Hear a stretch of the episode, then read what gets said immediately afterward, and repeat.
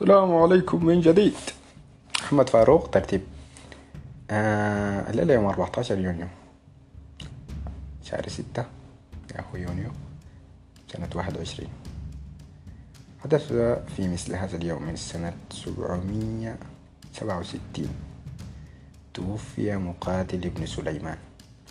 ناس كثيرة ما بتعرف مقاتل ابن سليمان لكن مقاتل ابن سليمان كان من أوائل الناس اللي ألفوا في تفسير القرآن الكريم. كان عالما بالتوراة والإنجيل. إذا نجد في تفسيره عنده تفسير اسمه تفسير مقاتل. كثير من القصص بتحضر إسرائيليات وأهل الكتاب. والتي أوردها بناء على حديث النبي عليه الصلاة والسلام حدثوا عن بني إسرائيل ولا حرج.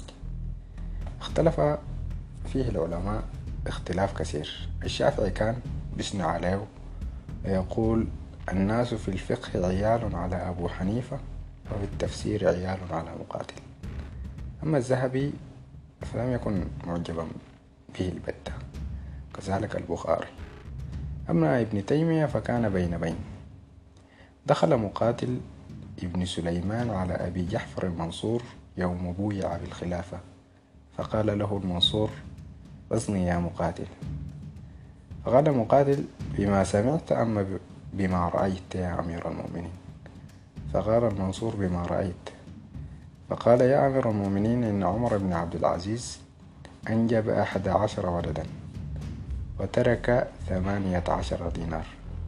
كفن بخمس واشترى له واشتري له قبر بخمس بأربع ووزع الباقي على أولاده. وهشام بن عبد الملك أنجب أحد عشر ولدا. كان نصيب كل واحد منهم ألف دينار. والله يا أمير المؤمنين. طيب والله يا أمير المؤمنين لقد رأيت في يوم واحد أحد أبناء عمر بن عبد العزيز يتصدق بمئة فرس للجهاد في سبيل الله وأحد أبناء هشام يتسول في الأسواق. هل رأيتم إلى أي حد ينفع الله الأولاد بصلاح آبائهم؟ هذه حقيقة خلطها الله سبحانه وتعالى في القرآن الكريم. ومن أصدق من الله قيلا.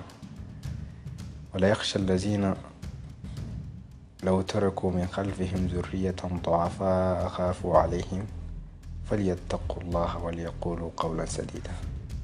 صدق الله العظيم. وقد أرسل الله سبحانه وتعالى الخضر وموسى عليهما السلام ليقيما جدار يتيمين كي لا يضيع كنزهما. والسبب ذلك هو صلاح أبناء آبائهم. فكونوا آباء صالحين. إلى اللقاء.